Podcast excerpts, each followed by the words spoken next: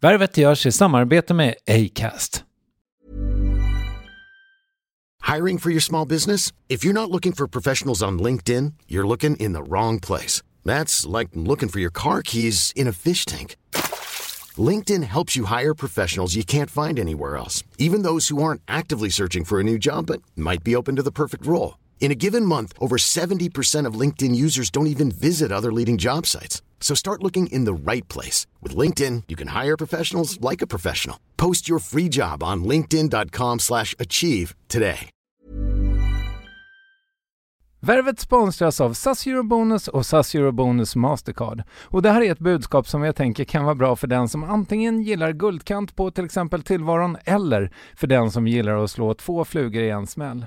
Om jag tittar på vad jag gör av med under en dag så är det typ 85% mat. Kanske tar jag en kaffe ute och relativt ofta unnar jag mig en lunch men framförallt så handlar jag middagskäk och det blir nästan alltid ungefär 327 kronor. Och jag är förvisso med i alla mataffärers kundklubbar så jag får väl något slags luddig poäng på mina köp, men får jag poäng på allt, överallt? Jag får ju inte det och det är dumt, för visst, Eurobonus kan användas till resor, lounger och uppgraderingar, men otroligt mycket mer, som att bo på något av de 250 000 anslutna hotellen som finns att välja mellan. Perfekt om man vill ha en staycation med sin partner eller så. Få poäng på allt överallt och du börjar på SAS Eurobonus Mastercard.se. SAS Eurobonus Mastercard.se.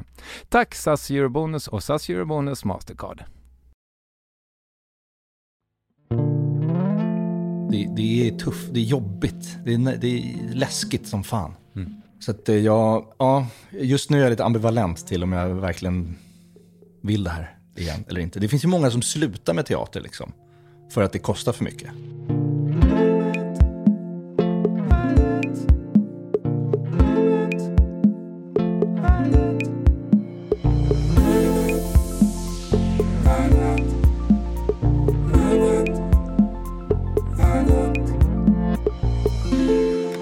Klart som åker iväg en helg mitt under brinnande fucking världskris och min värsta livskris någonsin. Då, då, då ska vi åka iväg på en liten weekend. Vad skulle jag ha gjort då? Skulle prioriterat mig. Står skådespelaren Erik Jerka Johansson på randen till ett nervsammanbrott. Med lanseringen av en restaurang färskt i minne, en ambitiös podcast, musikalpremiär runt hörnet och dessutom en familj att vara en del av. Ja, vi får försöka reda ut hans psykiska hälsa strax. Med bara dagar till hans första dansroll, här är värvet 591 med mannen som eventuellt alltid känner sig sämst på jobbet, Jerka Johansson. Du verkar ju, eh, jag lyssnade, eh, jag gjorde research, lyssnade på senaste avsnittet av din podcast, eh, mm. Recept Tack, mm. eh, som den heter, om mm. du inte visste det. Eh, mm. Och du verkar ju vara på randen till något slags sammanbrott. ja. ja, jag har lite, lite väl mycket just nu. Eh, på ett sätt som jag inte riktigt hade kunnat förutspå. Det blev som att, det blev som att allt hände på en gång på något sätt. Eh, jag, jag hade varit ledig, jag hade haft det ganska lugnt ett bra tag så här innan sommaren. Eh, för att jag visste att jag skulle jobba jättemycket i höst. Så jag har tagit det lugnt liksom, och laddat upp. Och sen så kom hösten och det blev en sån jävla rivstart med så mycket olika saker så att jag, eh, jag var inte förberedd på det mentalt. Och nu så är jag sådär som man känner sig när man är överallt och ingenstans. Liksom. både med familj och jobb. Och jag känner att jag inte gör en särskilt bra insats på någon av fronterna. Och det är en frustrerande känsla. Men jag, jag börjar, nu, nu, har vi betat av lite grejer, så nu börjar jag komma tillbaka och fokusera på kanske åtminstone två grejer i taget istället för fem grejer i taget. Nu kanske det är någon vecka eller tre tills folk hör det här, men eh, du öppnade en krog nu i slutet av augusti. Ja. Hur gick det? Eh, bra. Ja. Bra, det gick skitbra. Och det är ju, jag vill förtydliga att det är inte bara jag som öppnar, jag, vi är fyra kompanjoner som, som uh, gör det tillsammans. Men ja, vi öppnade ju, um, vi har ju tagit över gamla Frippe, alltså Dramatens bakficka. Mm. du, du är noga med att man inte får säga Frippes? Nej, men jag har förstått att man säger Frippe. Jag har alltid trott att det heter Frippes. Mm. Jag har alltid sagt Frippes, mm. men det heter Frippe. Okej. Okay. Ja. ja. Men man får säga Frippes också. Men jag, jag känner nu att jag, jag känner mig nödgad att säga Frippe. Ja, jag förstår. Ja. Och det är ju för människor som inte känner till det, ja, alltså, kanske bland det mest anrika man kan sätta tänderna i, antar jag. Ja, men det är, det är ju en adress som heter duga. En location som är liksom en av Stockholms bästa locations. Um, som vi har kommit över med hjälp av, eh, vi samarbetar med, med en, en eh, Bushvik Group heter de, som är så här investorer i restauranger och äger massa olika, Rasta och Trädgården i Göteborg. Och de är otroliga och de har kontaktat oss och sagt så här, vill ni samarbeta med oss? Vi kan fixa schyssta lokaler och så får ni komma dit med ert brand eh, och göra er grej. Och så hjälper vi er med logistiken. Och så att vi, det är därför vi har också två sommarkrogar, en i Visby och en i, eh, på Djurgården. Men så hade de då kommit över Frippe och frågat om vi ville ratta det. Och då så blev vi livrädda först, men sen så kom vi på att vi verkligen ville köra och att vi verkligen ville göra en spansk matbar som är som de ställena som vi älskar i Spanien och London och alltså Bara fina. bara fina. Det har vi pratat om förut någon gång tror jag, du och jag. Du och jag, men, Ja. kanske. Mm. Eh, men eh, det är ju det bästa som finns att sitta i en bar med öppet kök och titta in i köket och bara prata med kockarna lite och se vad de lagar och liksom höra stöket och inga hemligheter. Och, eh, och känner vi, fan vi kan bygga det i den lokalen. Och så har vi gjort om hela lokalen. Så nu är det en 42 meter lång köksbar bara, där man kan sitta och beställa in lite vartefter och dricka lite bubbel och iskalla små spanska canjas. Frostade små glas, 25 centiliters glas. 42 meter, det, då blir man ju andfådd om man springer längs den. Var, Ja. det, var det för starkt kaffe? Nej, nej, nej. nej jag, jag blev glad av att tänka på de där små kalla ölen. Ja. Så jag sa, mm. Ja, jag fattar. Vad har ni för favoritställen i Spanien? ja, alltså, ja, nu låter det som att jag är i Spanien hela tiden, men det var ju, största inspirationen kom väl från eh, El Camino i Palma, som är sån där, bara, lokalen är egentligen nästan som bara en lång stor korridor med en bardisk och ett kök. Och där har, vi, har jag varit två gånger och haft, tror jag, de, ja, men de tio bästa middagarna i mitt liv. Kanske. Det är, inget, det är ganska opretentiöst och sådär. Det är inte sådär liksom fine dining Franzén style. Det är lite stökigt och lite hetsigt och lite sådär. Och det är det vi har försökt bara kopiera. Vi tycker att det inte har funnits något sånt i Stockholm. Jag kan inte komma på en riktigt utpräglad bara köksbar i Stockholm. Som jag har varit på i alla fall. Nej. Som är som våran. Vad kul. Ja. Alltså, hur mycket av din tid tar det här i energi? Eh, det kan jag välja lite själv. Jag, jag, mina, min kompanjon har ju sagt upp sig helt från sitt gamla jobb och rattar ju de här restaurangerna på heltid. Men jag jobbar ju fortfarande med min huvudsakliga syssla. Så jag är där, när jag är ledig så är jag där mer, när jag jobbar mycket så är jag mer bara, kommer dit och har lite synpunkter och åsikter och idéer och eh, dricker kalla små öl i baren. Men- Sprider god stämning. Eh, Men blir du, alltså för jag tänker mig, eh, alltså för alla restaurangerna antar jag att du slash ni, men nu tänker jag bara ur ditt per- perspektiv, att man liksom har en vision om hur det ska vara och så kommer man dit en fredag och så, ja, så har, är det slut på toapapper så att säga, och du upptäcker det. Alltså, Mm.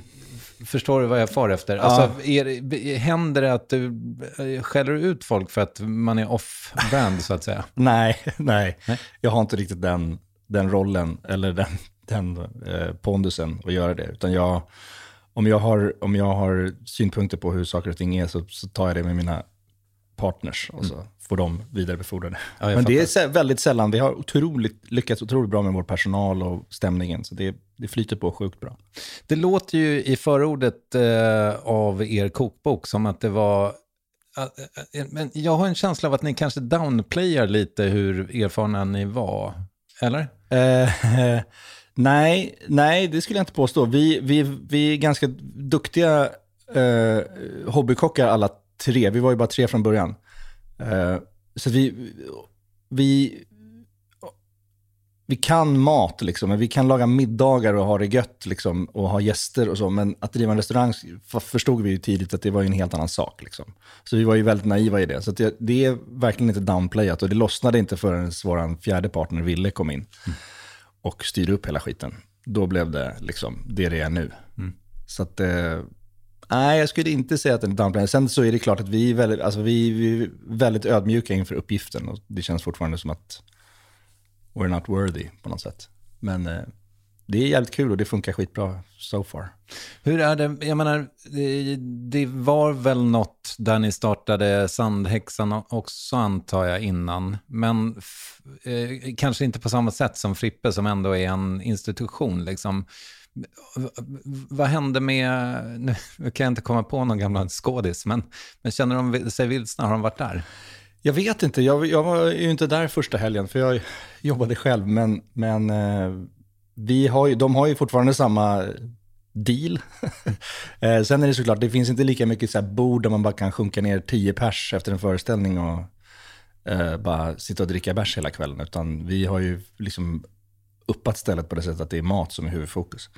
Men jag vet inte, jag hoppas att de ska trivas lika bra där. Jag tror att många på Dramaten också har känt att det kanske var läge för en liten uppgradering av det där stället. Det har varit lite sömnigt Okej. ett par år. Det är det inte nu. Fan vad kul. Och ni- ligger ju granne med Rish och, eh, och Dramaten som sagt givetvis. Men också det är ökända knullhotellet Örnsköld. Jaså? Ja. Det visste inte jag var det. Var, var, var ligger det? Eh, Pre- precis runt hörnet. Det är så fruktansvärt eh, diskret. Aha.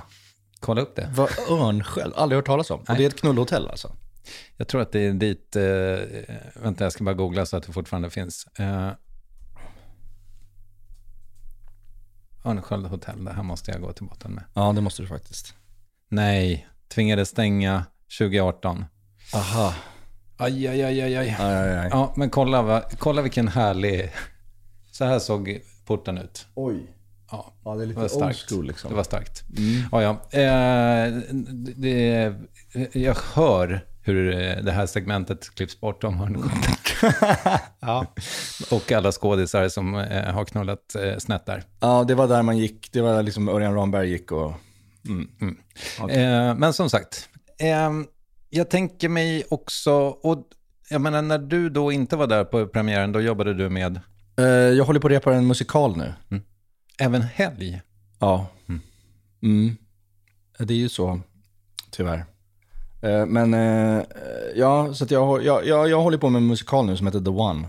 Det var en, ett sånt projekt som jag tackade ja till långt i förväg för jag kände att det är långt fram och det är en utmaning och det, det kommer vara kul. Och sen när man väl kommer fram till det så inser man att man eh, är långt utanför sin comfort zone.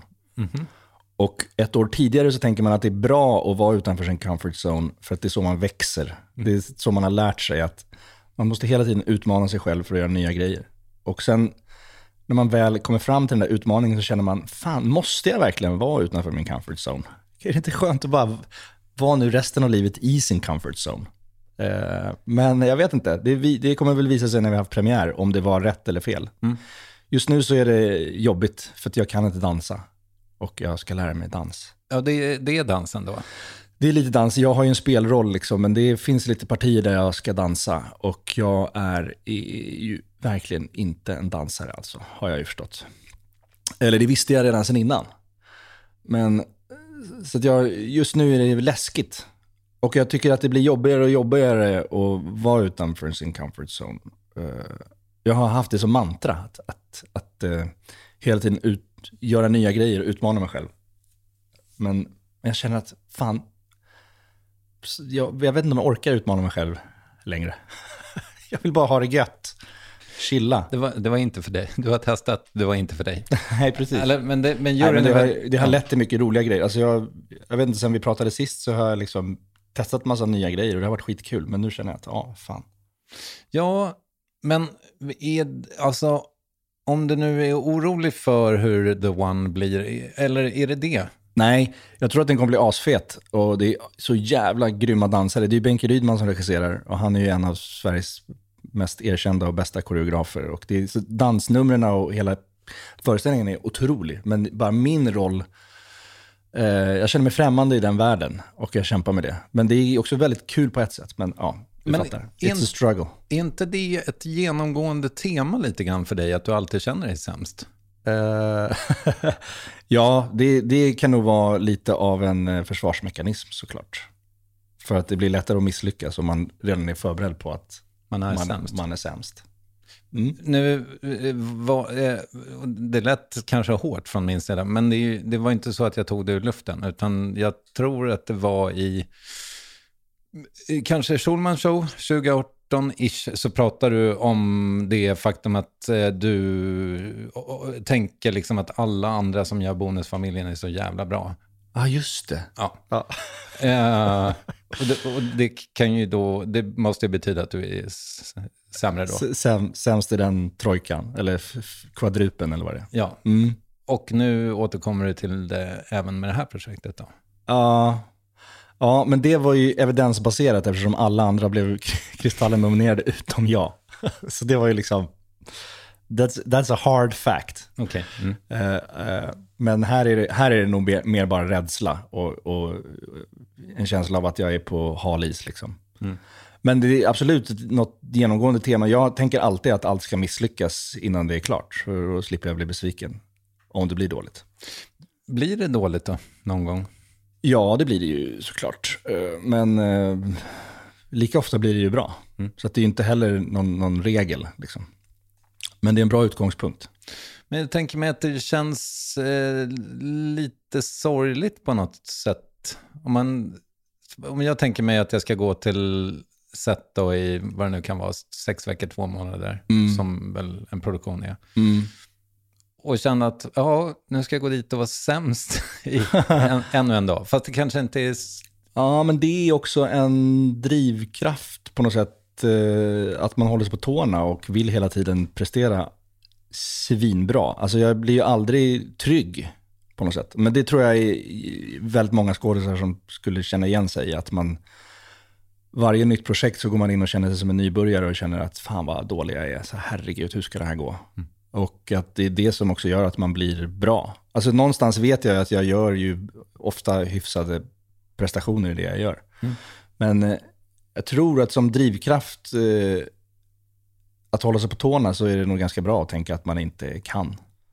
Jag tänker, eh, jag såg eh, sent om sidor filmen Bonusfamiljen. Mm. Ehm, och jag, eh, eftersom jag visste att jag skulle träffa dig så tittade jag väldigt mycket på dig. Och helvete, finns det någon känsla som du inte får jobba med där? nej, nej den, den, var, den, var, den var, den hade en range. Den var skriven med, ja, det var mycket. Eller hur? Måste ha varit det kul. Ja, det var svinkul. Det var otroligt kul. Du missar julklappar, du missar tåg, du missar skilsmässor, du du, missar tänka. att du ska jobba på nyårsafton, du missar att du har legat med någon annan, du missar... Kan du inte bara säga som det är? En enda jävla gång! Du vill liksom att jag ska säga att jag är världens sämsta människa. Jag gör det. Jag vill bara ha lite normal jävla ärlighet. Varför vill du gifta dig med mig då om jag är så jävla dålig hela tiden? Därför att jag älskar dig! Fattar du inte det? Ställer det till det för dig att, man har fått, att du har fått göra en så pass komplex roll och att du benchmarkar så här, eh, nya manus? Eller nej, man kanske inte tänker så. Hur menar du då? Nej, men att eftersom den är så... Det är så fruktansvärd spännvidd. Du, du går i, eller ja, din rollkaraktär går igenom verkligen alla eh, känslor som finns på paletten Ja. på något sätt. Ja, Och sen får, man ett, får du ett manus av din agent, antar jag, där du Ja. har två känslor. ja precis. Då känns ju det kanske som ett nedköp. Ja, men lite så. Det känns, men, men eh, precis. Fast jo, det är, klart kan. att, det är klart att, men, eh, man vet ju också att sådana där grejer växer inte på träd. Det kanske kommer var tionde år att man får göra en sån här riktig jävla dunderroll. Liksom. Eh, men det har också varit, det är ju positivt för att jag får ju också ibland erbjudanden om, om väldigt roliga grejer efter det också. Som jag kanske inte hade fått innan det. Så att, eh, nej jag ska inte säga att det var negativt, men, men eh, det är klart att eh, jag är medveten om att just kanske en sån roll med en sån spännvidd och, och liksom alla olika känslor kommer kanske inte komma jättesnabbt igen. Mm. Men eh, har du känt dig riktningslös? Uh, ja, nej, inte på, inte på senaste 10-15 åren. Men innan dess så, så gjorde jag nog det när jag bara stod och harvade på typ Stadsteatern och, och spelade roller som jag inte ville göra och kände att ingenting kul hände. Då undrade jag vad fan jag skulle göra av det här. Mm. Eh, tänker du riktning ändå? Ja, jo, men det, det gör jag ju. Jag har ju, jag har ju liksom saker som jag vill beta av. Som jag känner starkt behov av att jag måste få göra. Eh, som, så, så jag känner absolut att jag har en riktning. Men sen har jag en riktning som också är bara att jag vill helst bara sluta jobba och eh, hänga hemma och eh, vara med min familj och typ spela golf och bara vara pensionär. Det känns kanske inte så sexigt när man är 45. Men jag känner verkligen så. Mm. Eh, framförallt i sådana här perioder när jag har för mycket att göra. Jo, Ja. Men att bara checka ut, Mm. bli ekonomiskt oberoende. får vi sluta någon sån Schulman-deal kring din podcast? Fast det är ju Vadå, vad är det jobba. för deal? Nej, men har inte de så här 10 mil om året, Ja. han och Sigge? Jag vet inte. Det Har de räcker ju. det? Ja, det, det, det räcker. Ja. Ja, vi har inte riktigt den lyssningen på vår podd. Kommer. Mm. Det kommer. Mm, mm, mm. Nej, men eh, varför tog jag upp det här med riktningslösheten undrar du? Eh, Jo, för att jag då, eh, nu kanske du gav lite hintar om det, men jag tänker mig ändå att om det då liksom i en del av din liksom energi och tid går åt till de här grejerna som du vill göra, då kanske du skulle kunna berätta någonting om typ vilken riktning det är. Mhm. Mm. Ja, jag, vill ju, jag vill ju regissera en långfilm. Det är, det är en check, checklistegrej. Och det är den som är svår att Ja, få är, igenom? den är svår. Ja, okej. Eh, Vilka svår. har du med dig på tåget än så länge? Jag har haft lite olika, den har varit runt på olika produktionsbolag. Eh, och så har det gått en bit liksom, men sen så har det visat sig att den är, den är knepig, den är svårpitchad. Och tyvärr i dagens, dagens eh, liksom produktionssfär, eller vad man säger, bland produktionsbolag och så, så ska det vara en väldigt tydlig pitch, en väldigt tydlig hook. Och liksom, det här är verkligen en, en ganska svår... Alltså jag, som jag ser den framför mig så är det en otroligt rolig svart komedi. Liksom. Med en twist och med skitroliga karaktärer. Jag, jag, alltså som jag ser den framför mig så är den inte svårpitchad, men, men den har visat sig vara det. Och eh, jag tycker att om man kollar på vad som görs nu, me- mestadels i Sverige, så handlar det mycket om att det ska vara en jävligt bra hisspitch med liksom det visar sig att eh, hela samhället plötsligt eh, inte kan äta. Vad händer då? Alltså förstår du? Så här Netflix algoritm pitch-mässigt. Och sen så, så tycker man att det låter asfett och bara jävlar vilken cool pitch. Och sen så kanske den görs och sen så kollar man och så är det skitcoola två första avsnitt och sen så bara är det Formula 1A ändå till slut. Så är det väldigt mycket och det är väldigt mycket det som produceras eh, just nu, tycker jag.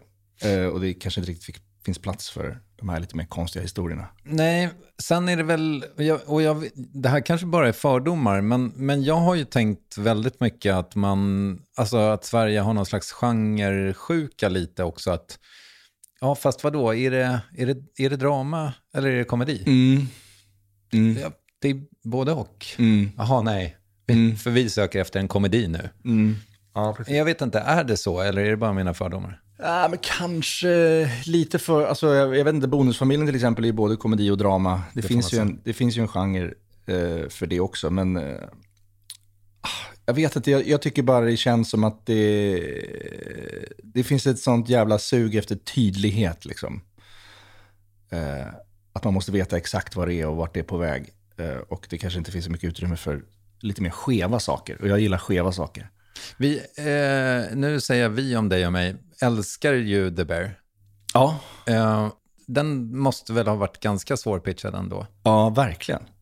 Ja, det måste den ha varit. Alla, eller ja, den hade varit svårpitchad pitchad här, Ja, tror jag. mm, mm, verkligen. Men eh, det känns som att det är lite...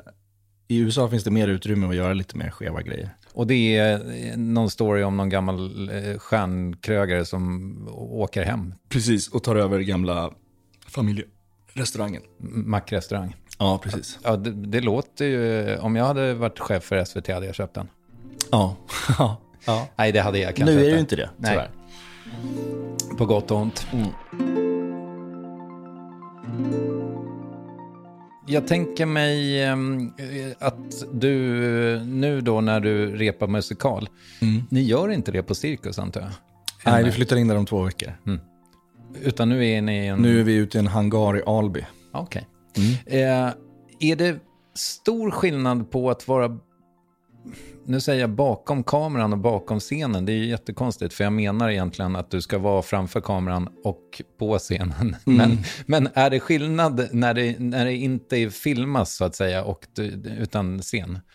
Ja, men det är det ju. eh, Det är faktiskt två helt olika yrken skulle jag nog säga. Eller det kanske man kanske kan jämföra. Du håller ju på med musik och så. Det kanske är mer, det kanske, ja, precis samma skillnad som att spela in ett album i en studio mot att spela live liksom. Det är olika sätt att arbeta på. Och eh, teater och musikal är ju så fruktansvärt mycket svårare tycker jag. Eh, dels för att man repar, re- repprocessen är ju liksom 6-7 veckor. När man filmar så kanske man repar en halvtimme innan man börjar, börjar eh, filma. I bästa fall.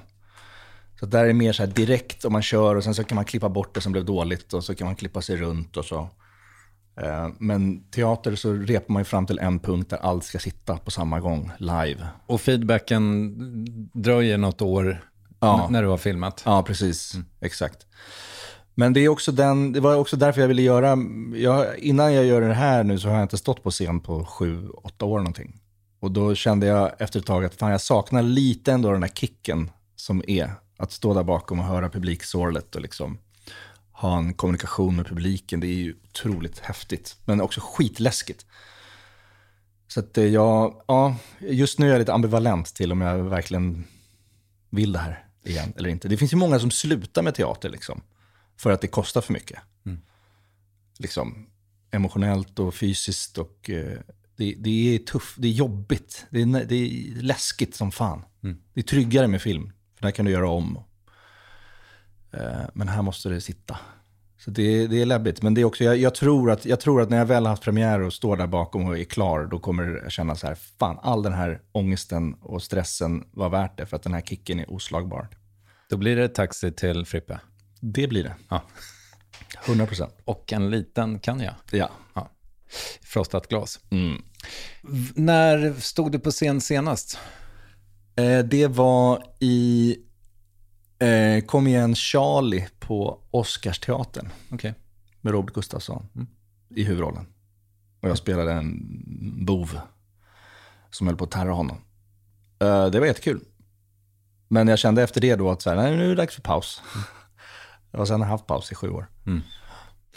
Det här med, liksom, om vi sa, och nu har vi typ inte nämnt, eller jag har nämnt boken, men, men du, ni släppte ju också en kokbok samtidigt som ni öppnar krog och, och du har det här och du har podden liksom. Hur mår din kalender? Ja, nej, den, den, den mår inte så bra just nu. Den är sådär, så att när man öppnar den på typ söndagskvällen för att gå igenom veckan så fattar jag inte riktigt hur det ska gå ihop. Eh, jag har också tre barn. Eh, och det är fotbollsträningar och dansklasser och grejer som ska rattas. Och, eh, Och en exfru som är borta i Köpenhamn eller något. ja, i Göteborg och filmar. Mm, det var nära. Lilla Köpenhamn som Ja, jag hon, är, hon är klar där snart, så snart blir det vanlig varannan vecka igen. Och det är ju skönt. Men, nej, men jag, eh, ja, nej, nu, är det, nu, är det, nu är det för mycket.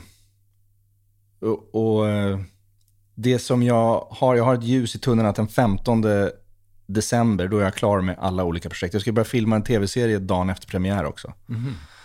Eh, I två månader. Okej. Eh, Så, så, så ett tag ska jag också spela på kvällarna och filma på dagarna. Och sen ska jag checka ut 15 december. Och då ska jag vara ledig ett halvår har jag tänkt. Och, och var är du där? Måste du plugga manus och sånt samtidigt som du pluggar andra manuset eller? Ja, ja, ja så är det ju. Mm, så jag håller på med förberedelserna inför det samtidigt som jag repar. Ja. Eh, Har du fått någon sån, du måste vara jävligt fit eller? Nej. Eh, nej, inga sådana direkta order, men jag har läst manus och då är det ju liksom... Det är några scener i bara, bara överkropp. Och då är det upp till mig hur jag vill liksom Så att nu kör jag faktiskt periodisk fasta. Okej. Och det är fruktansvärt. Mm. Så jag har inte ätit någon frukost nu. Jag sitter bara och snusar och dricker kaffe. Och är hangry. Mm. Jaha, det är du. Ja. Ja, det, det, Men det märks kanske inte. nej, jag blir... Nej. Nej. Och Nej. Jag, eh, jag blir inte det, om du undrar. Är det så? Men det blir inte så mycket bärs då kanske. Nej, det blir det inte. Men eh, jag, jag tänker bara köra det fram till 15 december som sagt. Ja, vad, vad härligt. Ehm, och liksom, och eh, återigen då, ursäkta eventuell spretighet, men du har ju också eh, ett fast gig i podden, eh, Receptack. Är det lustfyllt? Eh, ja, ja, det är ju faktiskt jävligt lustfyllt. Det, sen är det såklart, ibland när man är i perioder när både jag och Niklas, eh, vi, har inte, vi är ju inte heltidspoddare som vissa andra. Eh, utan vi får ihop det när vi båda har luckor en gång i veckan. Och eh, ibland när vi har för mycket båda två, då är det kanske mer bara så att man måste bara göra det. Men oftast är det väldigt lustfyllt och väldigt kul. Det är som ett litet loophole, liksom, där vi bara kan prata mat i en timme. Det är nästan lite terapeutiskt sådär. Så det är väldigt, väldigt eh, kul. Det känns dock som att den kräver en viss förberedelse från någon av er i alla fall. Ja, Ja. oftast Niklas. Eh, eh, Niklas är ju utbildad kock från början. Så att han står ju för den mesta matlagningen. Jag gör någon då och då. Och då blir det lite sladdrigare och mer rustikt. Men han gör ju liksom riktigt fina grejer. För han är så jävla duktig. Men eh, ja, oftast är det han som gör det. Eh, Och den kan inte, för det känns som att det är liksom ett ständigt dåligt samvete för dig. Oh, nu var det länge sedan jag kom med något, typ. Kan ni inte bara ha det så? Alltså kan inte han få...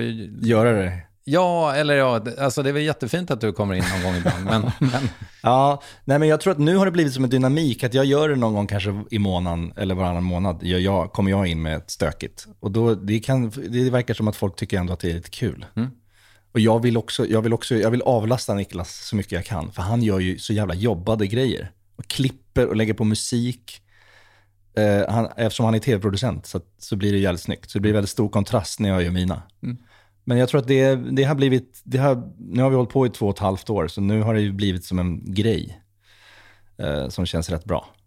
ni ska trycka in en liveföreställning också under hösten, eller? Tydligen. Tydligen. Nej, men jag har sagt att det får vi göra i vår, Okej, för att det går inte nu. 16 december? Frågetecken. Eh, nej, Nej. det blir nog kanske i januari till och med. Jag förstår. Jag måste ha min, jag måste ha min, jul, min långa julledighet. Sen kan vi ge oss på det där. Men ja, det, det, det är väl något som man ska ha. Eh, livepodd, det har väl du också haft? Ja, det var eh, otroligt. Ja, var det det? Ja, det är väldigt kul varje gång. Ja. Nu var det jättelänge sedan, för jag gick 120 000 back på senaste gången. Så jag har hållit mig Aha. ifrån det. Ja, fy fan. Ja. Och sen kom pandemin. Så Men jag tänker alltid att det är svårt. Jag har, varit, jag har inte varit på så många livepoddar, men jag tänker att det är så underbart med poddar att det kan klippas och tajtas i intervjuer och sen så live på scen så, så kommer det inte flyga. Men det gör det uppenbarligen. Ja. Ja, Nej, det har varit fan, fantastiskt varje, varje gång faktiskt. ja okej. Du får komma med lite tips sen på vad vi, dos and don'ts. Jag älskar ju att stå på scen, men det gör man ju. Mm. Eller alla gör ju väl inte det. Ja, jag har en hatkärlek till det på något sätt. Men absolut, när man är där uppe så, och det flyger, det finns ing, ju ingen bättre känsla i livet nästan. Men du, ehm, förlåt, vi var på din kalender också. Alltså, jag tänker mig när det är så här då, alltså när du har dubbla jobb, trippla jobb, Ja. kvadrupla jobb. Ja. Eh, vad får stryka på foten, tänker du? Eh, alla, allt, allt, allt som jag tycker är kul i övrigt, att gå på krogen och spela golf och träna och så, det är bara att stryka i stort sett. Och sen är det väl då eh, min relation som, liksom, det är inte så att vi har skitmycket date nights och weekends just nu. Men eh, eftersom, eftersom det som är så jävla bra med att vara frilans, det är ju att man vet att det finns ett slut och eh, att det kommer perioder där man kan ta det lite lugnare och ta igen allting. Annars hade det varit jävligt jobbigt. Men, men eh, ja, det är väl det. Men jag är också, det ska jag också sägas, när min kalender är så här, jag har ju sån jävla bra, bra eh, sambo som hjälper mig skitmycket. eh, med både vårt gemensamma barn och våra, hennes bonusbarn, då, mina stora barn. Så hon är ju liksom, eh, ja, ska jag säga, utan att det låter liksom smörigt, men hon är ju eh, som en ängel som bara har kommit in i mitt liv och bara räddat mig från någon typ av, jag vet inte, evigt mörker efter skilsmässa och allting sånt. Personlig fråga, kolon. I Schulman Show som jag nämnde förut, eh, 2018, så föreslås det ju du gå på en dejt. Mm, precis. Lisa som du träffade här ute, hon hade ett prickigt hårband, eh, producent. Hon vill gärna gå på dejt med dig. Och eh, undrar förstås om du vill det också. Ja, varför inte? Vadå, Varför inte? Ja, men det är kul. Ja, du, du vill det? Ja, Ja, visst. bra. Gud vad kul. Då måste vi också återkomma sen och se hur det blir. Det, kan, det kanske blir då kärleken i, ditt liv. E- Eventuellt. Det, vet man aldrig. Nej, Hur gick det där? Ja, det, är, det, är, det är ju den ängeln som kom in i mitt liv. Mm. Ja, så att det är ju en speciell historia faktiskt. Det får man säga. Ja, ja. Har, den, har du tackat eh, Schulman Show tillräckligt? Eh, ja, men det tycker jag nog ändå att jag har. Mm. Men det- jag kan inte tacka nog. Det är, det är faktiskt mycket hans förtjänst. Å andra sidan så var det ju på, på Lisa, då, min sambos liksom, initiativ. Vi sågs i korridoren innan vi skulle spela in. Och hade lite vibe. Ja. Och sen så kom det där förslaget att vi skulle gå ut och ta en öl. Och sen så dröjde det ett tag, men sen så gjorde vi det. Och sen så var det ju bara, ja, resten är historia. Fan vad fint. Ja, det är en solskenshistoria. Men du, eh, jag tänker mig också att ett sånt där hjärteprojekt, antar jag, måste väl ha varit alla utom vi. Ja. Hur går det för er då? Börjar ni bli bebissugna? Jag har suttit ensam i ett rum och runkat i en plastkopp idag. Min kuk är helt dum i huvudet och hennes fitta är som en påse pannkakor. Framför allt för att jag fick testa och regissera. Sen var det ju, det var ju en, liksom, det var ju en förlaga, det var en kanadensisk förlaga som var så här kort avsnitt. Som var, den var 10 gånger 8 minuter, så en liten webbserie. Oj. Ja. Men sen köpte ju Warner rättigheterna till den och jag fick fria händer med den. Så jag, jag och en eh, eh, manusförfattare som heter Sebastian fick ju fria händer och bara utveckla det där till 22 minuters avsnitt. Så vi, har ju, vi gjorde ju 75% nytt där liksom. Byggde ut deras universum och sådär. Men ja, det var ett hjärteprojekt på det sättet att eh, jag fick liksom testa min vision för hur jag, hur jag skulle vilja att eh, min, min regi skulle se ut. Liksom. Eller den här tonen som jag, som jag tyckte lyckades ganska bra. Liksom, att den funkar och den vill jag, forts- vill jag fortsätta utveckla.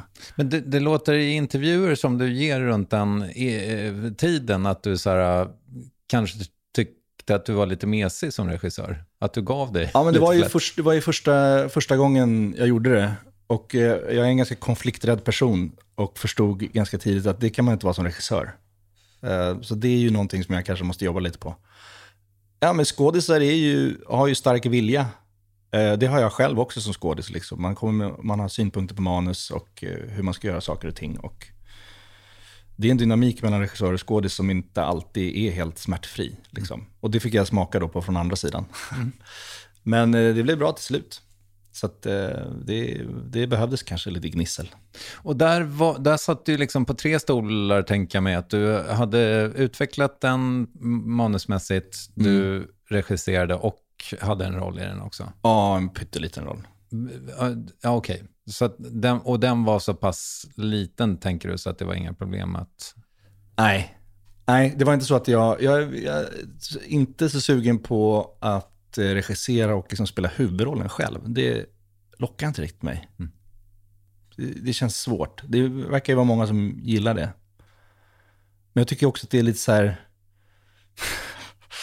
jag ska inte pissa på mina kollegor, men det är att man är så fast övertygad att ingen annan kan göra den här rollen än jag själv. Så jag måste regissera och spela huvudrollen. Mm. Fast, är, fast då kan, men jag tänker mig, nu har jag ingen aning, men jag tänker mig att om man har eh, om man dessutom har skrivit manuset, då, då tänker jag mig att man kanske, en, jag kan bara komma på typ Älska mig, eh, som Josefin Bornebusch gjorde, eh, där hon ju hade Ja, en just det. jättestor roll. Ja. Eh, och nu antar jag att du kanske inte tänkte på henne, men... Nej, men jag tänkte mer i USA, liksom, med så Mel Gibson eller alla de här som liksom gör, och så bara, ja, jag ska regissera och spela huvudrollen. Och att det, ja, nu låter det ju så här falskt ödmjuk igen, men jag tycker också att det finns ju väldigt mycket bättre skådisar än mig, eller skådisar som kan göra annat än vad jag kan. På något sätt. Och då vill jag ju använda dem.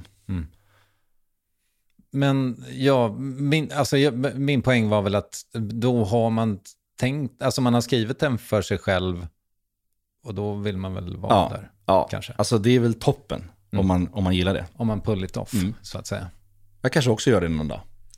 Ja, eh, men vad lärde du dig av det här då, förutom det här med din liksom, ton som regissör? Eh, jag lärde mig att, eh, att jobba med min konflikträdsla. att jag måste göra det till nästa gång. För det kommer bli någon nästa gång så småningom, men inte just nu. För det var ju jävligt tufft alltså att regissera. Vem Eh, blev du osams med mest? Björn? Eh, nej. nej, jag blev aldrig osams med någon. Det var bara lite smågnissel här och där. Men det ska ju vara ett dynamiskt samarbete. Så det var ju bara, de har starka viljor och jag hade ganska stark vilja också.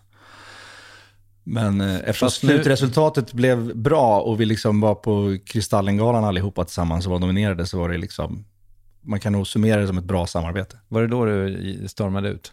Eh, nej, det var nog året efter. Eller var det då? Nej, jag minns inte. Jag, har stormat ut flera gånger från den här galan. Okej. Jag har gått direkt till Hasselbacken Ja. utan att passera gå. Och nu eh, var det ju häromdagen när vi sitter här. Ja, precis. Mm. Mm. Mm. Mm. Du var inte där. Nej, jag var inte bjuden i år. Konstigt. Undrar varför. Men det spelar ingen roll eftersom de bränner av alla våra kategorier innan själva galan börjar. Så det är, det är noll respekt Mm. från Kristallen-juryn till just vårat skrå. Mm. De brände av bästa dramaserie på förgalan, alltså Händelse vid vatten, som är en av de bästa svenska tv-serierna som gjorts på 20 år. Brändes av på förgalan. Är inte det respektlöst? Jo. Jo. Tackar. Till förmån för? Ja, 800 Wahlgren som ska få olika kristaller.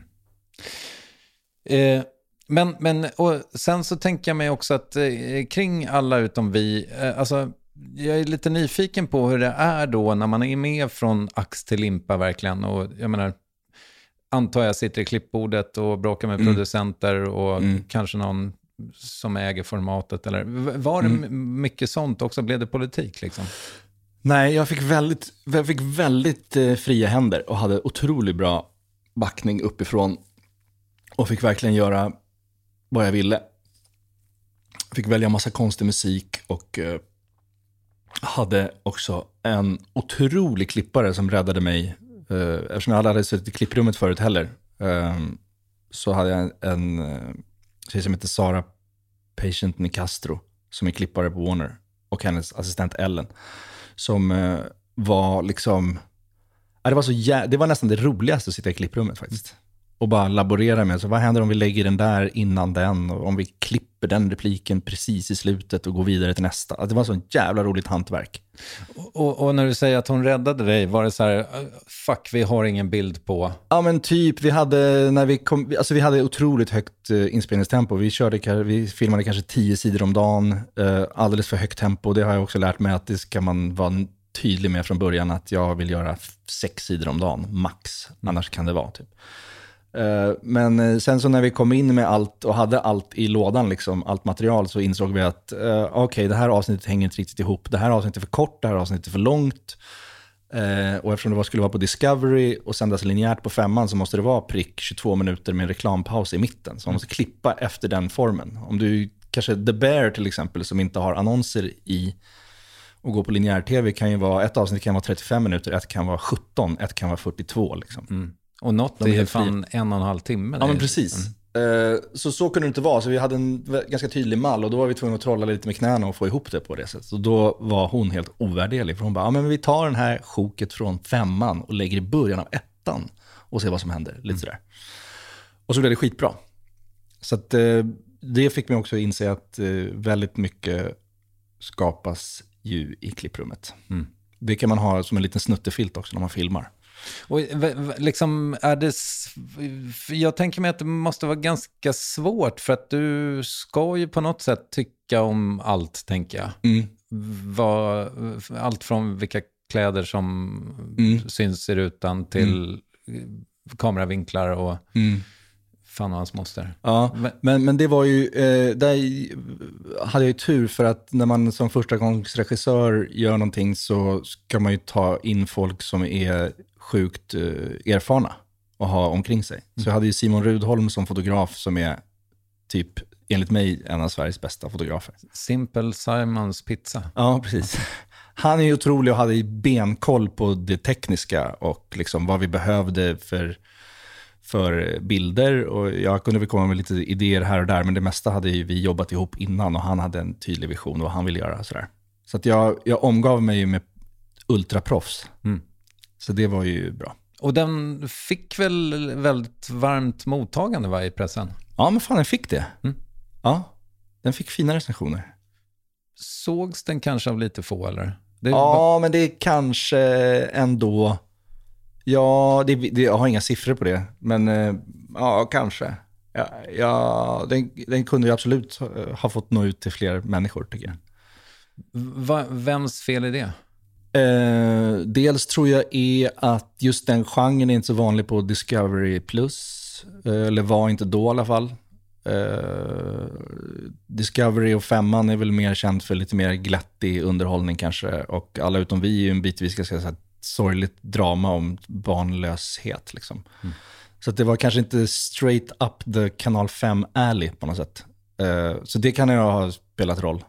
Men eh, Ja, jag vet inte. Men det, det är ju...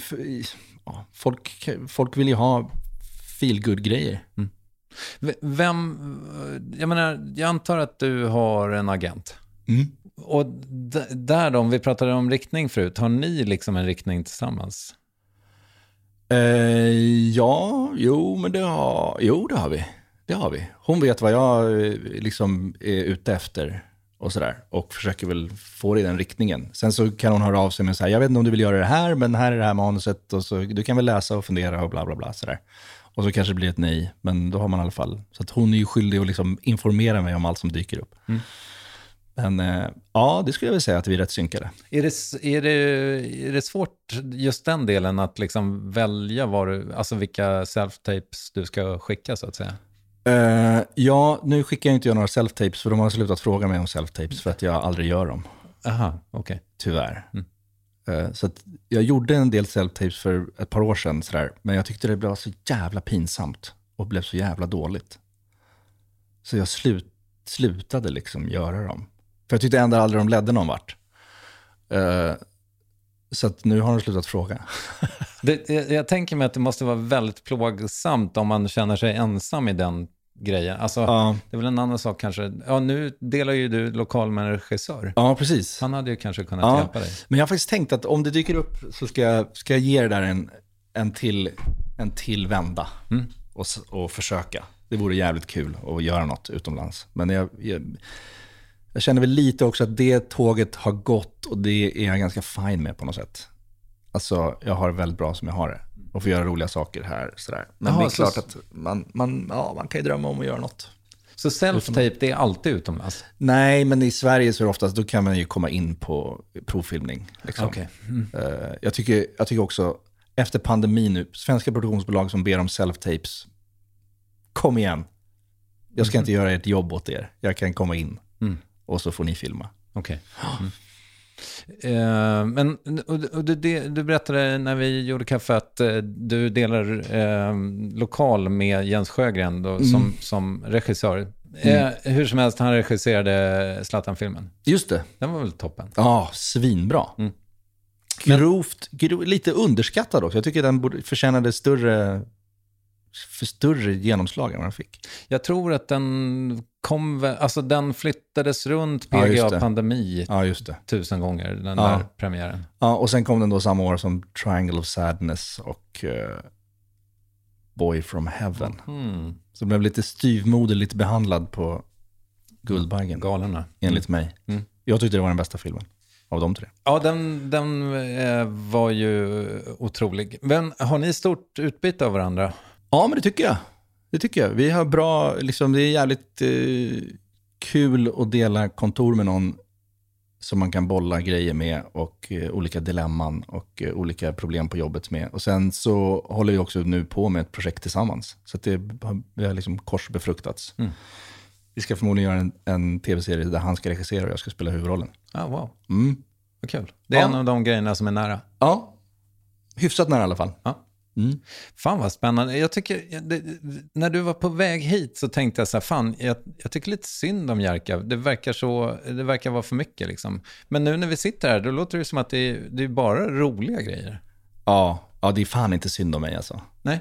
Det är inte synd om mig. Jag, just nu är jag bara en plågad liksom, skådis som kämpar med att försöka skapa, skapa någonting av det här jag håller på att repetera. Mm. Men det är verkligen inte synd om mig. Jag gör ju saker som jag älskar. Så det men men man, man kan ju vara stressad som alla andra. Men du, eh, nu har ju du, nu, du berättade för en stund sedan om den här långa ledigheten som du ser framför dig, som Mm. då ska vara eh, våren 24. Mm. Hur, hur är du när du inte jobbar? Jobbar du ändå eller? Nej, men det är ju eh, både en blessing och en curse att jag är jävligt bra på att vara ledig. Alltså jag är verkligen inte arbetsnarkoman, som vissa andra kollegor som man måste jobba och, där är, och, och, och, och liksom lyckas jättebra med det och skapa massa bra saker hela tiden. Jag är så jävla bra på att vara ledig. Hur jag är lat tror jag. Okej. Så att om jag är ledig då kan jag liksom bara ta det hur lugnt som helst och bara njuta av det och jag längtar inte tillbaka till något jobb eller någonting. Och eh, jag eh, trivs svinbra med det. Nästan för bra för jag, Ibland kan jag önska att jag var lite mer workaholic. Men, men eh, det, börjar inte klia i dig efter någon vecka eller? Nej, nej, det börjar klia i mig efter några månader. Okej, Mm. så pass. Jag, som, jag har någon sorts, eh, börjat ha någon sorts regel att, att eh, jag ska hinna längta tillbaks till ett, en stökig inspelning eller en stökig repetition. Då vet jag att jag är utvilad. Men om din agent ringer och säger att fan, du- har landat en kanonroll till dig, vi börjar spela in i januari, Ja, då säger du ja. ja det gör jag väl. Ja. Om det är en så här som man inte kan tacka nej till, absolut. Det gör jag.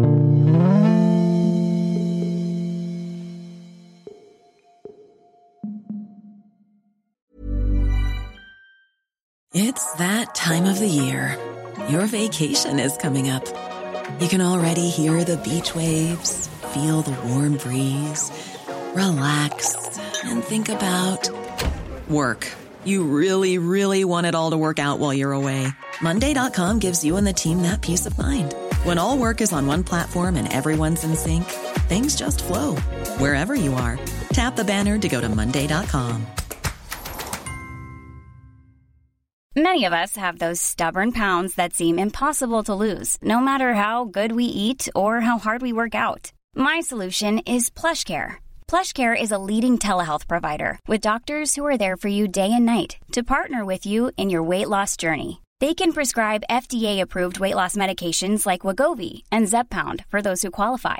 Plus, they accept most insurance plans. To get started, visit plushcare.com slash weight loss. That's plushcare.com slash weight loss. I'm Sandra, and I'm just the professional your small business was looking for. But you didn't hire me because you didn't use LinkedIn jobs. LinkedIn has professionals you can't find anywhere else, including those who aren't actively looking for a new job but might be open to the perfect role, like me. In a given month, over 70% of LinkedIn users don't visit other leading job sites. So if you're not looking on LinkedIn, you'll miss out on great candidates like Sandra. Start hiring professionals like a professional. Post your free job on linkedin.com/achieve slash achieve today. Yes, ny sponsor. Värvet presenteras i samarbete med Sveabank. Och jag menar inte att ta ner stämningen, men dessvärre är ju lågkonjunkturen här, vilket innebär att de flesta branscher har det tufft och också väldigt många privatpersoner.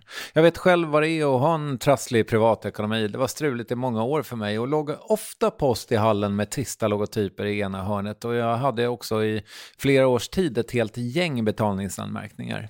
Och tyvärr är det nog många som har det svårt att få ihop till räkningarna just nu, som har hamnat i ekonomiskt trubbel. Och det är här Svea Bank kan kliva in med något som kallas skuldfinansiering. Där löser de skulder hos inkasso och till Kronofogden och till och med om Kronofogden vill sälja ditt boende har Svea Bank möjlighet att hjälpa till. I den här tjänsten får du en personlig handläggare som gör en grundlig genomgång av din ekonomiska situation. De tar kontakt med dina kreditgivare och när ett lån beviljats löser de dina skulder åt dig och samlar dem i ett enda lån med en avbetalningsplan som din ekonomi klarar av. För om du har hamnat i klister, du är inte ensam och kanske kan det här hjälpa dig. På svea.com skuldfinans kan du läsa mer. Tack Sveabank. Jag har ju eh, lyssnat mycket på eh, er podcast. Mm. Vad har sötpotatisen gjort dig egentligen? Ja. ja, jag har haft dåliga upplevelser av sötpotatis. Jag tycker att den är mosig, för söt. Jag tycker bara att den är som en morot som man har liksom sockrat för mycket och bara muschat till. Det, jag försökte läsa på om sötpotatisen idag. Um, Den är ju eh, mycket riktigt mycket närmare släkt med moroten än Ja. med potatisen. Mm. Och det, jag förstår inte, vad skulle vara dåligt med en söt morot? Nej, men vill jag ha morot så, så lagar jag en morot. Den har bättre textur, den har bättre smak, den har, ja, jag vet inte. Jag tycker det är ett otyg. Jag tycker också så här sötpotatisfries, nej för fan. Nej. Nej. Jag gjorde en eh, mycket ambitiös... Eh, jag skickade olika kropps... Eh, inte vätskor direkt, men Nej, det- saker som kommer från kroppen. Eh, Mhm. Till ett labb i USA så fick jag tillbaka en lista med 1800 eh, eh, saker man kan stoppa i sig, livsmedel, liksom, Mhm. eh, råvaror. Eh, och där var ju potatis då på min i, i, i, inte-lista. Alltså, jag ska inte äta potatis. Aha, Däremot okej. får jag äta sötpotatis. Aha. Så, jag, eh, så nu är det väldigt mycket sötpotatis. Vadå, vad var det för något? Vad gör man, varför gjorde du det? Eller vad? Eh, det, det heter, det kan vara humbug. Eh, det heter ett gut intelligence test. Eh, jag gjorde det helt enkelt därför att jag har hållit på och tränat och legat i något så in i helvete. Men jag tycker att jag har haft så svårt, till och med under 16 weeks of hell, Mm. som jag gjorde. Ja. Kanske jag inte borde ha gjort. Har du gjort det? Nej. Nej. Eh, men till och med då så tyckte jag liksom att när jag jämförde före och efterbilderna med alla andra som gjorde det samtidigt, så de såg så jävla biffiga ut. Jag gjorde liksom aldrig det. Jag såg bara... Utmärglad ut? Ja, jag såg Mm. ut som jag skulle kunna spela en biroll i Pianisten. Ja, jag den fattar, jag fattar. Ehm, så då tänkte jag så här, om jag nu har hållit på med det här, i, i liksom trasslat med mat och träning i flera års tid, och jag inte får liksom de resultat, okej, jag är gammal, eller Ja. börjar bli. Ja. Men jag tycker ändå att det borde hända mer. Mm. Det har Stor-Anders sagt till mig också. Mhm. Det borde hända mer. Mm. Eh, så då gjorde jag det här. Mhm. Okej, för att se vad du då kan äta för att bygga mer muskler? Ja, vad- Fortsätta vara smal och bygga mycket muskler? För att må bättre då Ja, okej. egentligen, eh, generellt. Och då visade det sig också att min biologiska ålder är mycket högre än, än min faktiska ålder. Aha. Det var ju nedslående. Ja, fy fan. Hur mycket högre? Jag är 54 eh, enligt testet och eh, det är ju fem år bort. Ja. Okej. Ehm, Men usch. Ja. Det där vågar man göra, hålla på sånt där. Det är som, som eh, tänker Wikingsson som håller på med så här body scanning och grejer. Man gör så här, man kollar, kö, kö, kollar upp allting i kroppen liksom. Mm. För att kolla att allt är okej. Det verkar jätteläskigt att man kan eh, märka massa saker som man inte vill ha reda på än. Eller? Är inte det här lite samma? Ja, kanske. Fast om man då, om man har gått runt och tänkt att ja, men broccoli, det vet man ju är nyttigt.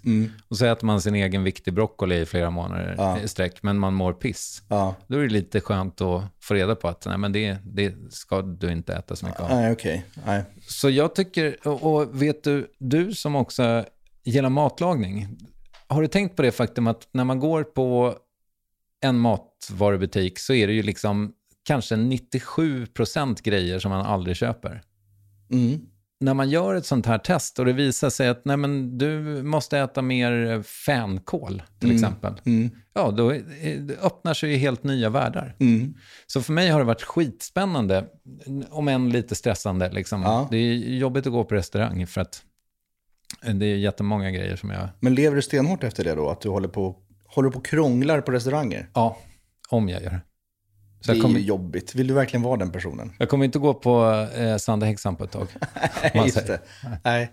Är du, har du blivit gluten-halloj också? Eller? Jajamensan. Aha, ja, det ska jag inte hålla på med. Aj, aj, aj, aj. Mm. aj. Ja, det där testet känns läbbigt att göra för mig. Ja, fast det kommer stänga massa dörrar som jag behöver ha öppna. jo, fast det är också kul, måste jag säga. Ja. Det, eh, och det, det är inte vad, så... vad, vad, skickar du för kroppsvätskor?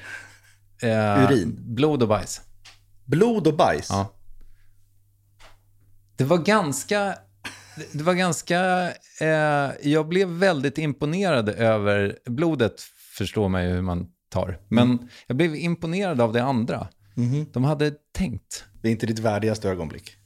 Det är, framförallt var det lite jobbigt eftersom jag, eh, det, posten studsade i tullen. Så jag fick tillbaka mitt bajs. Nej. Eh, och fick gå runt med det i ryggsäck i liksom, någon vecka.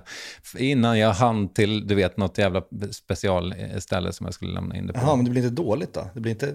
Nej, det håller hur länge som helst. Ja, det är just det. Det är redan klart så att säga. Det är konserverat såklart. Mhm. Mm. Ja, ja. Ja, nej, jag, eh, jag rekommenderar det.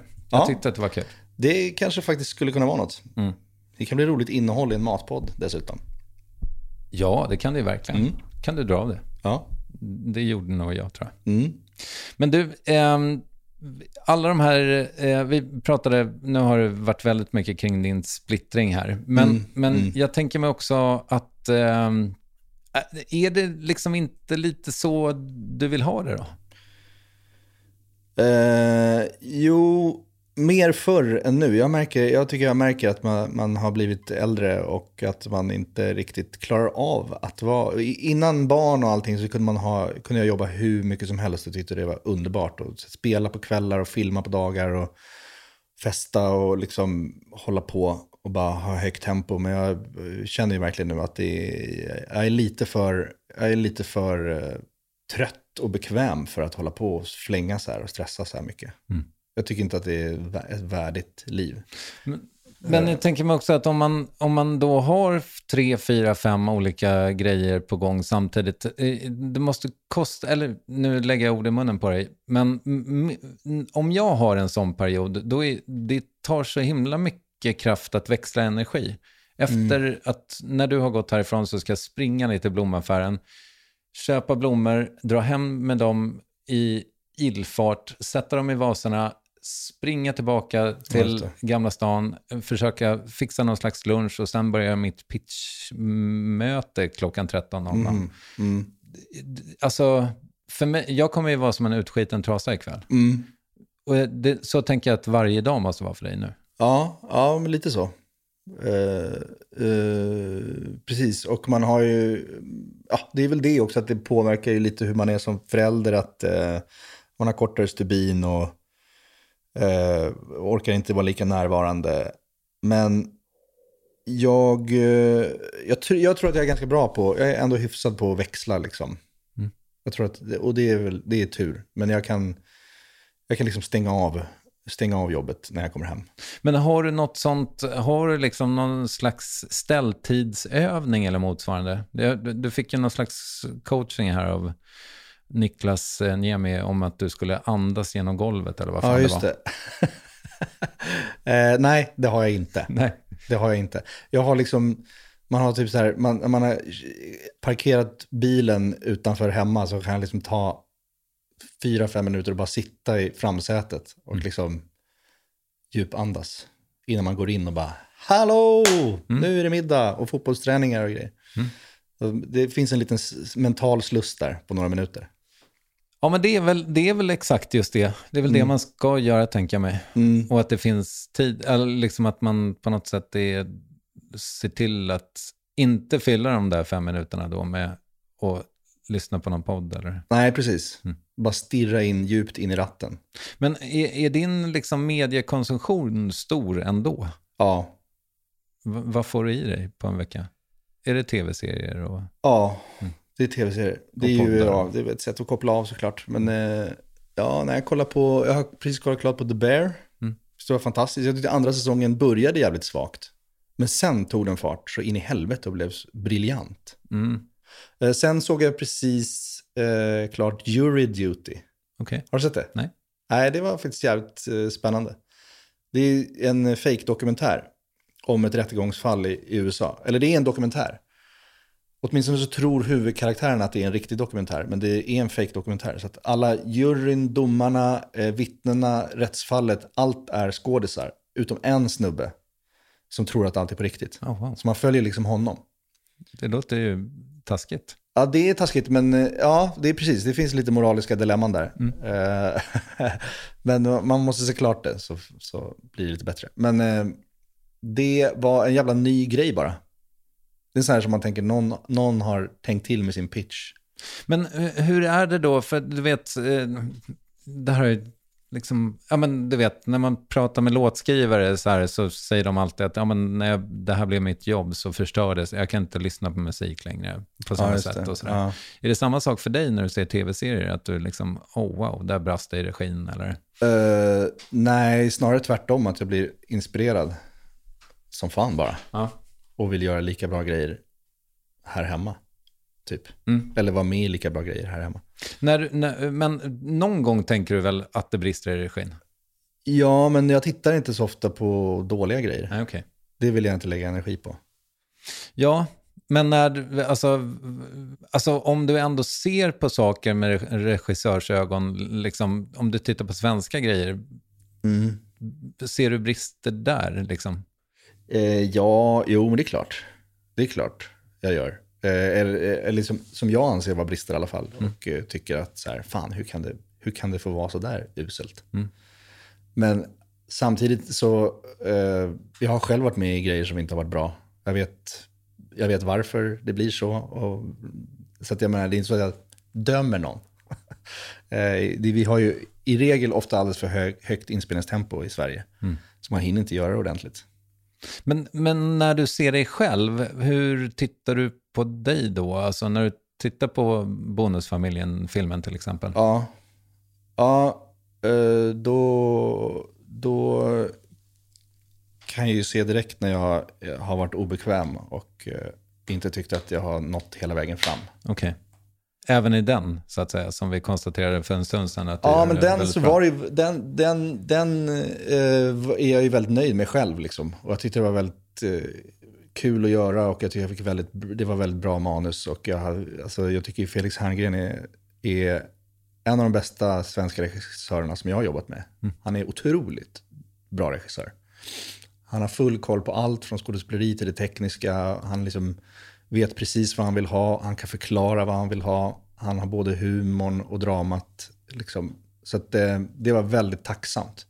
Så just när jag kollar på den så kanske jag känner att, eh, att jag är väldigt stolt. Men sen så kan jag kolla på andra grejer som jag har varit med i som där jag vet att det var jä- jävligt stressigt. Mm. Och eh, överansträngt inspelningstempo. Och då ser jag att det inte har blivit lika bra. Du, eh, om vi ses eh, om fem år igen, eh, hur, eh, hur ser livet ut då? Ehm, Välkommen till Framgångspodden. Eh, nej, men det ser nog ganska likt ut tror jag. Förhoppningsvis så har jag... Min dröm är att kanske göra så här en stor produktion om året. Max två. Mm. Och så resten av tiden bara hålla på och fippla med mat, mina matprojekt. Mm. Alltså podden och restauranger och sådär. Bara gå lite på lågvarv med det och sen göra en, ett projekt om året. Och förbättra ditt närspel. förbättra mitt närspel. Ägna mer tid åt golf helt enkelt. Golf, golf har ju liksom blivit ett eh, beroende. Så, eh, golf är den första liksom beroendet och, och drogen som jag hittat som är 100% bra för mig. Okej. På något sätt. Alltså den har ersatt eh, Kokain. ganska Framförallt så har den kanske ersatt eh, alkohol. Liksom, eh, jag är inte nykterist ju. Men den har ersatt lite av den eh, kicken på något sätt som jag får av alkohol. Att, liksom, att jag, jag stänger av omvärlden lite. Och på golfbanan så stänger man om av världen fast man fokuserar på den här jävla bollen och man är ute i naturen och andas och har lagt bort telefonen och umgås bara med goda vänner. Och alltså det, det är fem timmars, liksom bara gå in i en portal av välmående. Samtidigt som man får hela den här kick, kickarna, dopaminet och allting. Men man vet att det är bra för en. Det låter roligt. Ja, det är underbart, du borde testa. Ja, jag kanske måste göra det. Ja. För det, jag missade ju paddeltåget. Det, det, Ja. eh, så att det, Mm, det gjorde jag också. Ja, det kan, Det är bli- också den osexigaste sporten som man kan ägna sig åt. Kanske golf också egentligen är det. Sådär. Om man, det finns nog förutfattade meningar om att golf är helt osexigt också. Men skitsamma. Det är så jävla kul. Mm. Har du och svårt. Har du spelat mot eh, Gustav Dahlin? Nej, det har jag inte. Öppet brev? Frågetecken. Ja, verkligen. Jag skulle gärna spela med honom. Ja, jag kan koppla ihop det. Mm, det det.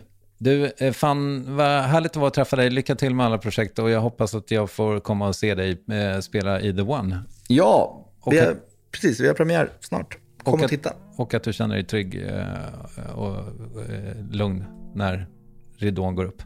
Det kommer jag göra. Och det kommer bli jävligt bra. Grattis i förskott. Tack. Nu lägger jag på. Japp. Eller?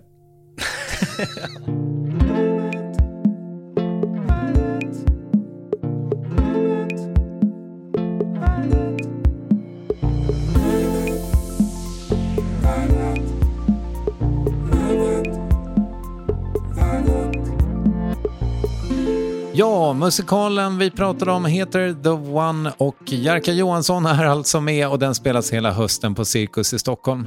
Och podden som han gör med fina Niklas Niemi heter Recept, tack. Och min podd som produceras av Ninni Westin och vars affärer sköts av Acast, den heter Värvet. Och nästa vecka hör du Henrik Schyffert och mig, Kristoffer Triumf, bli osams om tur. Det vill du inte missa. Tack för idag, vi hörs när du vill. Hej!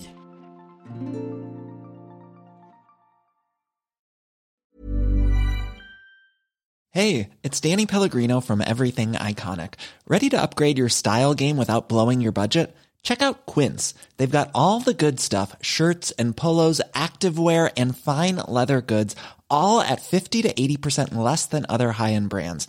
And the best part? They're all about safe, ethical, and responsible manufacturing. Get that luxury vibe without the luxury price tag. Hit up quince.com slash upgrade for free shipping and 365 day returns on your next order. That's quince.com slash upgrade.